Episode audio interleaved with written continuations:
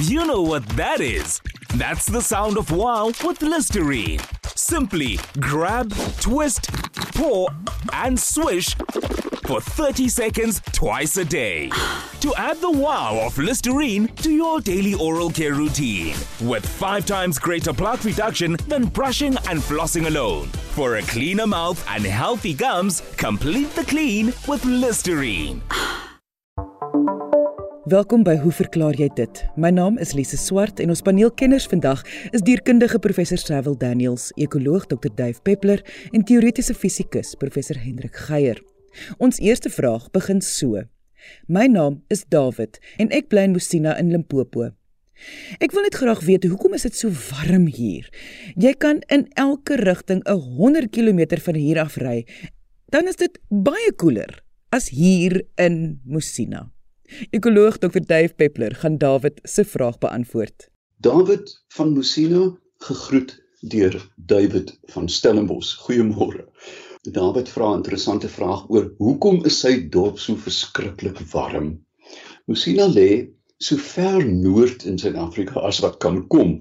22 grade suid 30 oos dit is noord van die steenbokskeurkring hierdie lyn om die aarde waar soos die ou mense gesê het die son draai. Die laagste punt suid waar die son middaguur presies 90 grade oor hoofs is. Met ander woorde inherent is die plek klaar warm. Kom ons beskou nou Mosina as wat ek graag sou benoem 'n hitte eiland. Hoekom is die aanvoelbare temperatuur van Messina soveel warmer in die dorp as buite die dorp? Jy ry, ek weet dit is klaar warm, maar as jy daai dorp inry, dan slaan dit jou werklik soos 'n damp. Jy jy, jy soms moeilik om asem te haal. Die hitte-eilande kom gewoonlik in stedelike gebiede. Natuurlik daar so grabies wat verskriklik warm is, maar kom ons praat nou van dorpe. So, hulle eh, is gebiede wat aansienlik en aanvoelbaar warmer is as die omgewing. Hoekom daar se verlaagde voorkoms van natuurlike elemente soos bome, struike wat uh, natuurlik die temperatuur kan laat daal as gevolg van direkte skadu transpirasie, verdamping uit blare. Um maar nou waar daar bome en plante en gras was, is daar dakke, paaie, sypaadjies, geboue en parkeerruimtes. Almal in effek sonoonde. Want ons dakke is donker, ons sypaadjies is geteer, ons paaie is geteer en dink 'n bietjie aan daai parkeerplek. Het jy al op die parkeerplek buite die inkoopsentrum by Appington gestop. Jy maak die deur op en dit eh, en dit voel of jy letterlik wil flou word. Dan moet ons kyk na die voorstedelike geometrie. En dit verwys natuurlik na die argitektuur, die hoe staan geboue teenoor mekaar. Is dit dig teen mekaar soos binne in 'n stad? Is daar groot erwe ensovoort? Suid-Afrika is natuurlik baie ver agter met die gerigte argitektuur wat gemik is om temperature te verlaag. Dink aan Australië. Hulle huise lyk almal na sinkhuise, maar is fyn beplan met oorhange wat volgens seisoen die son toelaat in die winter en wegkaats in die somer. Ons dink aan die stede van Marokko wat verdig is met smal paadjies. Daar is sogenaamde placitas met fonteintjies. Alles elemente wat die die binnegoed van die stad probeer of die dorp probeer koel hou. Dan bo op hierdie natuurlike sonoond wat ons gebou het, is dan natuurlik die hitte uit mensgemaakte aktiwiteite soos voertuie, lugreëling maak binne koud, maar buite is hy kokend warm. En natuurlik industriële komplekse. As jy dink aan 'n aan 'n plek so Sasol of 'n raffinaderry wat wat oortollige gas afbrand, dra dit alles toe tot hierdie hitte eiland. Het hierdie gebied deurlopend winde Lucina is nie so uh, bekend vir sy winde nie. Met ander woorde, die hitte bly lê in aanhalingstekens en word nie deur winde verplaas nie. Winde en wolkbedekking saam verlaag natuurlik ook die temperatuur aansienlik. En dan is daar natuurlik die landskap geografie. As daar 'n berg naby is, 'n dorp, dan kan wind verplaas word. Dit kan of versterk word en so die dorp koeler maak of dit kan die winde afsny en dit soveel erger maak. So, Dawie, die antwoord is baie baie kompleks want veel elemente geografie, boustyl, ligging, alles speel in op hoe warm 'n 'n sogenaamde hitte eiland gaan word.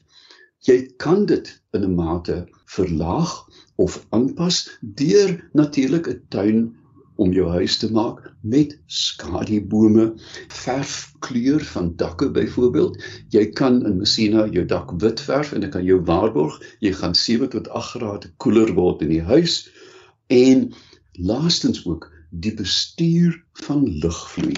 My ouma Lily het soggens 4 of 5 uur opgestaan en dan die huis oopgegooi koel oggendlig het ingestroom en dan so teen 10uur was dit soos die kango grotte soos hy gordyne getrek het en dan het die koel lug in die huis gebly. Die nadeel van so 'n toegetrekte huis is dat die hitte opbou in die dak en dan in die nag 'n hittepuls vorm wat dan gedurig byna soos 'n warmwatersak jou plek dan verhit.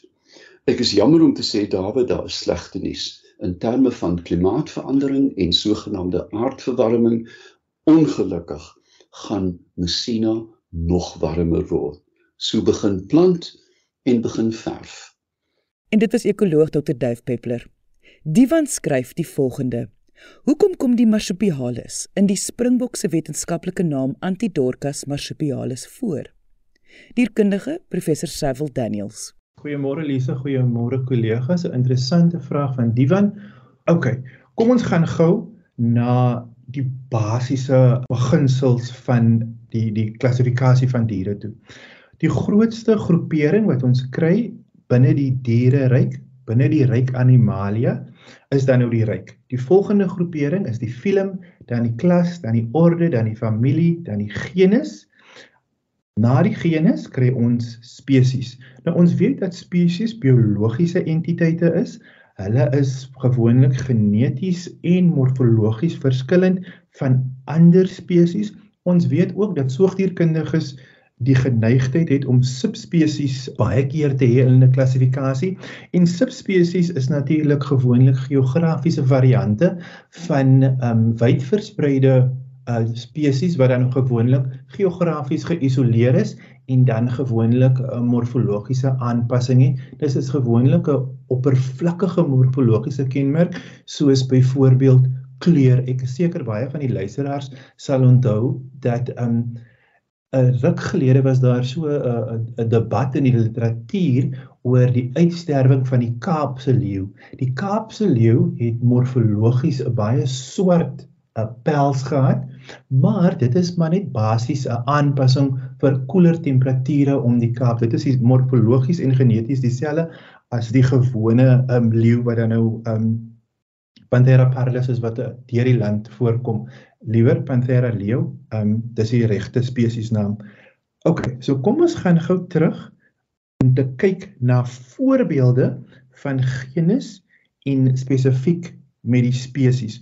Ons moet onthou dat die spesiesnaam gewoonlik verwys na een of ander morfologiese kenmerk by die dier. Nou kom ons gebruik twee basiese voorbeelde: Loxodonta africana, Loxodonta asiatica. So hierdie is nou die Afrika olifant en dan ook die Asiatiese olifant. So Loxodonta, die genusnaam verwys na die groewe wat 'n mens op die molare in die bek van die dier kan kry.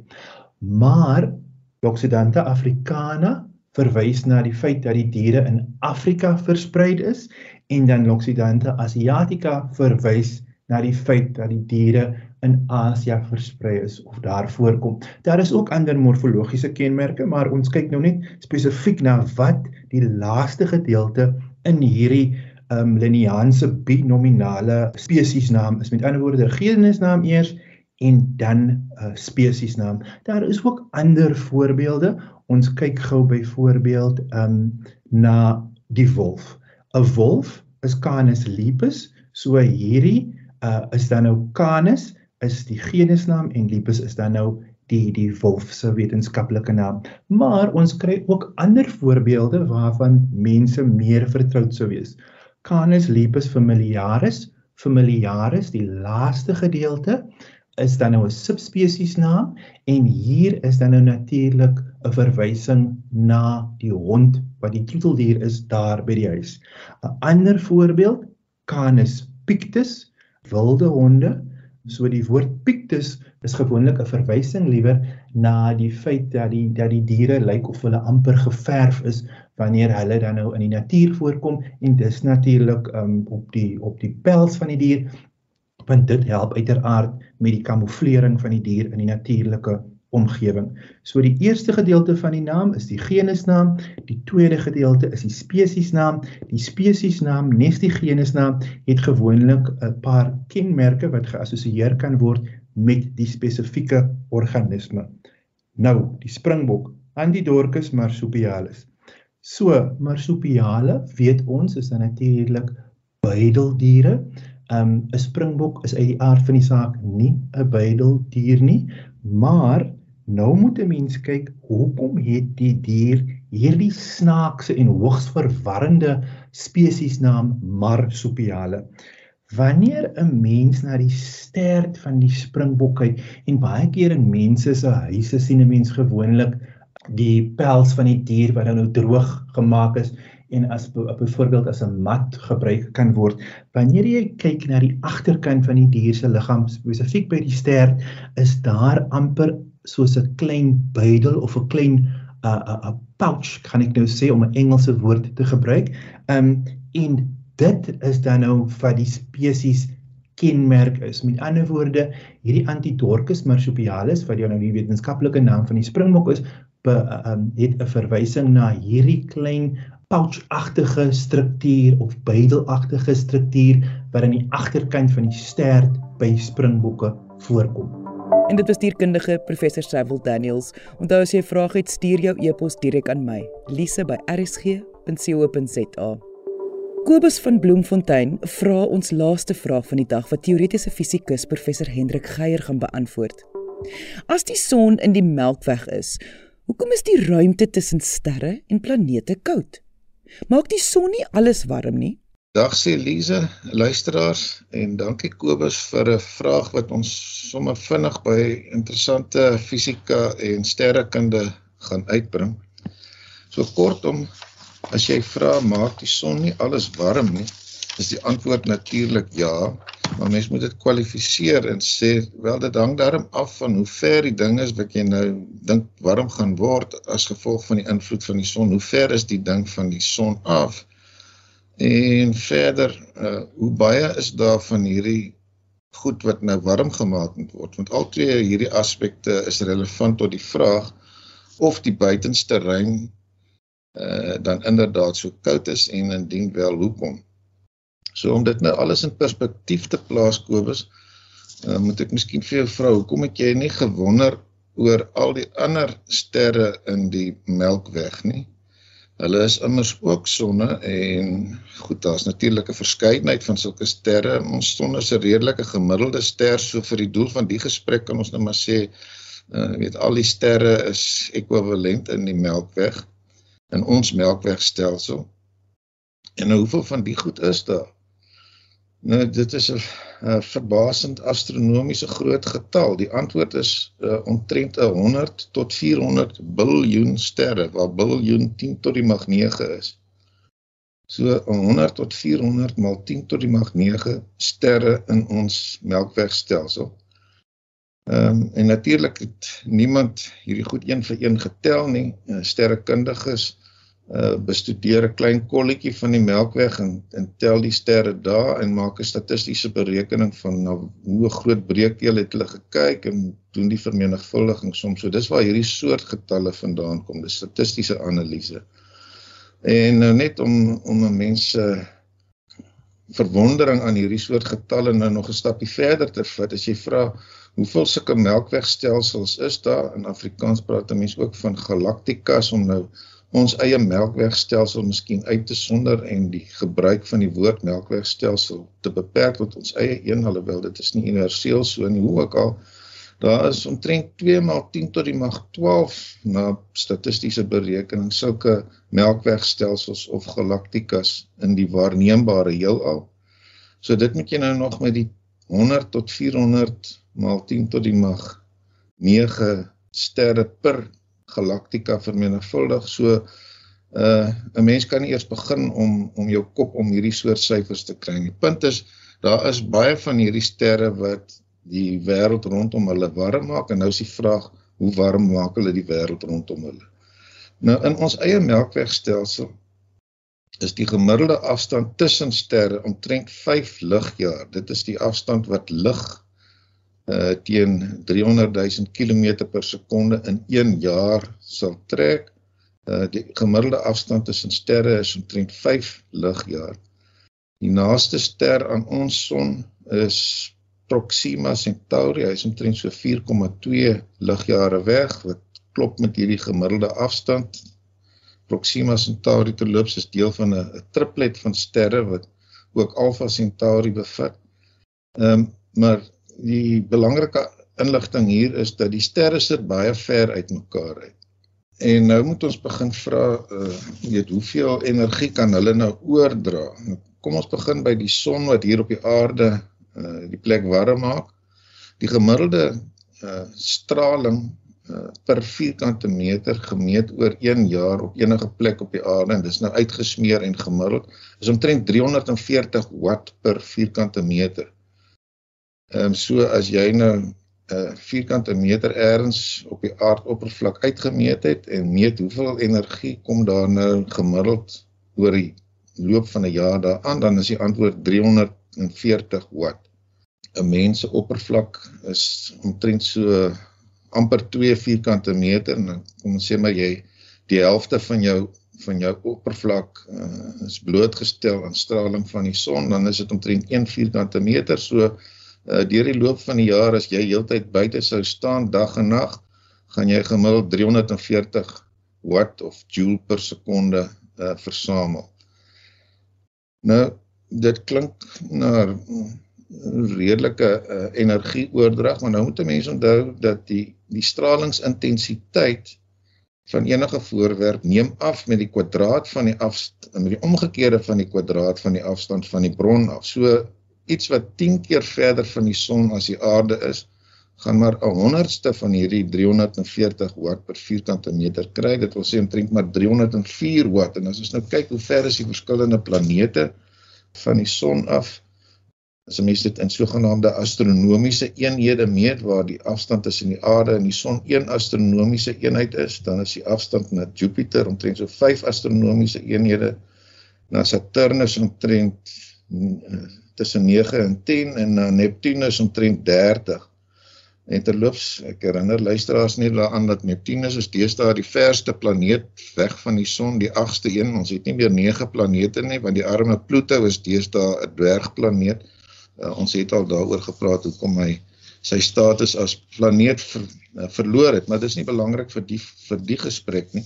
Die punt is net uh by Saturnus gaan jy omtrent 'n honderdste van ons uh, stralingsintensiteit van die son afkry by Neptunus omtrent uh, 1 op 30 kwadraat sê maar omtrent 'n duisendste uh, van wat ons op aarde as intensiteit ervaar of meet. Nou om dit nou in perspektief met die vorige syfers te meet, ons het ges, uh, te bring die ons het gesê die die gemiddelde afstand tussen sterre in ons Melkwegstelsel is omtrent 5 ligjaar. Nou die aarde is 8 ligminute weg van die son af. Dit neem lig wat van die son af uitgestraal word 8 minute om by ons aan te kom. Uh by Neptunus wat nou die verste uh, planeet is wat 30 keer verder is, is dit 240 minute. Dit wil sê omtrent 3 uur. So ons praat hier van afstande wat jy in in ligure meet en die gemiddelde afstand tussen uh sterre is 5 ligjaar. So jy kan sien as ons praat van die van die van die tussenruimte in die Melkwegstelsel. Uh is alles tipies baie baie ver van enige ligbron af en die hoeveelheid straling wat daar gaan aankom is minimaal. So daar is nie eintlik veel kans vir die son om iets warm te maak ver weg in die buitenste of diepste ruimte nie. Nou dis die een aspek, die afstand van die bron. Die ander aspek is wat is daar om warm te maak? Nou onthou Temperatuur is 'n maatstaf van die gemiddelde spoed van deeltjies. So in 'n in 'n gas en 'n vloeistof is dit maklik om te visualiseer. Dis dit vertaal van gemiddelde spoed waarteen lugmolekules tipies beweeg na iets wat ons nou temperatuur mee, uh, noem en dit is gekalibreer en in 'n vloeistof beweeg die deeltjies ook uh, teen 'n sekere tempo. In 'n vaste stof kan die deeltjies natuurlik nie regtig rond beweeg nie, maar hulle kan vibreer en roteer. So mens moet eintlik dan praat van die kinetiese energie van so 'n deeltjie wat die temperatuur definieer. So temperatuur is 'n maatstaf van beweging of dit nou translasie, rotasie of vibrasie is. So vir iets om 'n temperatuur te hê, uh moet daar iets wees en as ons nou vra wat is daar in die buitenste ruim, dan na berekening is daar gemiddeld 1 atoom per kubieke meter in die in die buitenste ruim tussen sterruimtes. Dis maar 1 oor 10 tot die mag 18 van die digtheid van ons atmosfeer se digtheid. So daar is letterlik omtrent niks wat hierdie straling kan absorbeer nie en die straling is in elk geval amper weglaatbaar klein. So dit laat ons nou met die met die situasie dat temperatuur in die heel buitenste ruim eintlik nie 'n goed gedefinieerde konsep is nie want daar is nie iets wat kan warm word regtig nie en die bronne is uh, so ver weg dat selfs as daar iets is sou dit baie klein invloed op hierdie materie gehad het. So wat bly oor? Ons het al in die verlede gepraat daaroor dat die sogenaamde kosmiese agtergrondstraling wat in in gewone taal genoem kan word as of beskryf kan word as 'n nagloed van die oerknal. Ons het hierdie proses al of hierdie stukkie geskiedenis al deurgepraat dat in die vroeë heelal uh, aanvanklik dit te warm was vir elektrone en protone om bymekaar te bly om stabiele waterstofatome te vorm. Maar soos wat die heelal uitgedui het, het daar 'n punt gekom waar die temperatuur laag genoeg gedaal het sodat atome, waterstofatome spesifiek kon begin vorm. Dit was omtrent so by 3000 grade Kelvin en atome anders as vrye elektrone verstrooi nie lig tot dieselfde mate nie, eintlik baie minder. So in die oersop van los elektrone en protone en ander deeltjies is lig heen en weer verstrooi en kon nie eintlik uit hierdie oersop ontsnap nie na mate atome begin vorm het kon hierdie lig ontsnap en dit is wat ons nou waarneem as die agtergrondstraling, die kosmiese agtergrondstraling.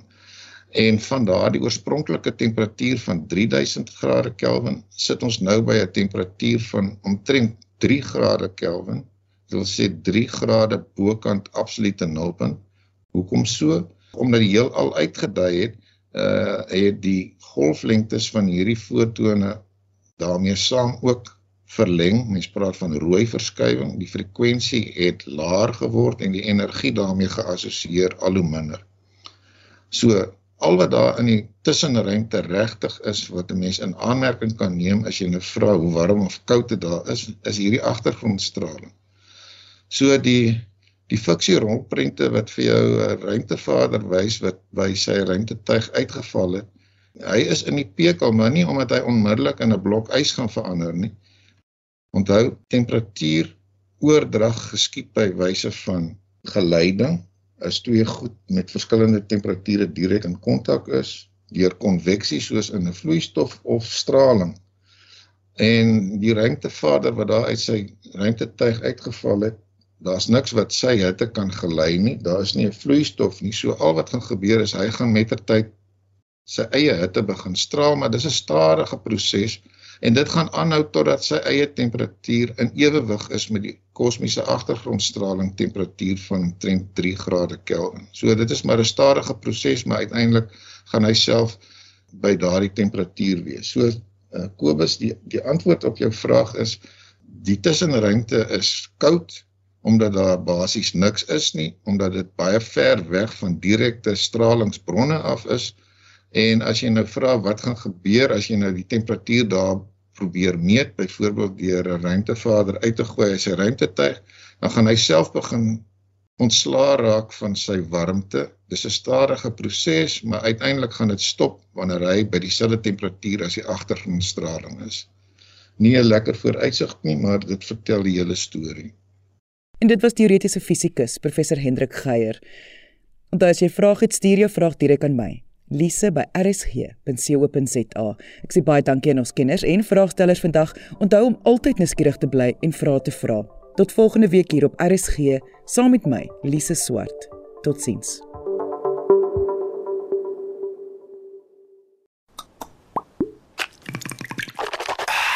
You know what that is? That's the sound of wow with Listerine. Simply grab, twist, pour, and swish for 30 seconds twice a day.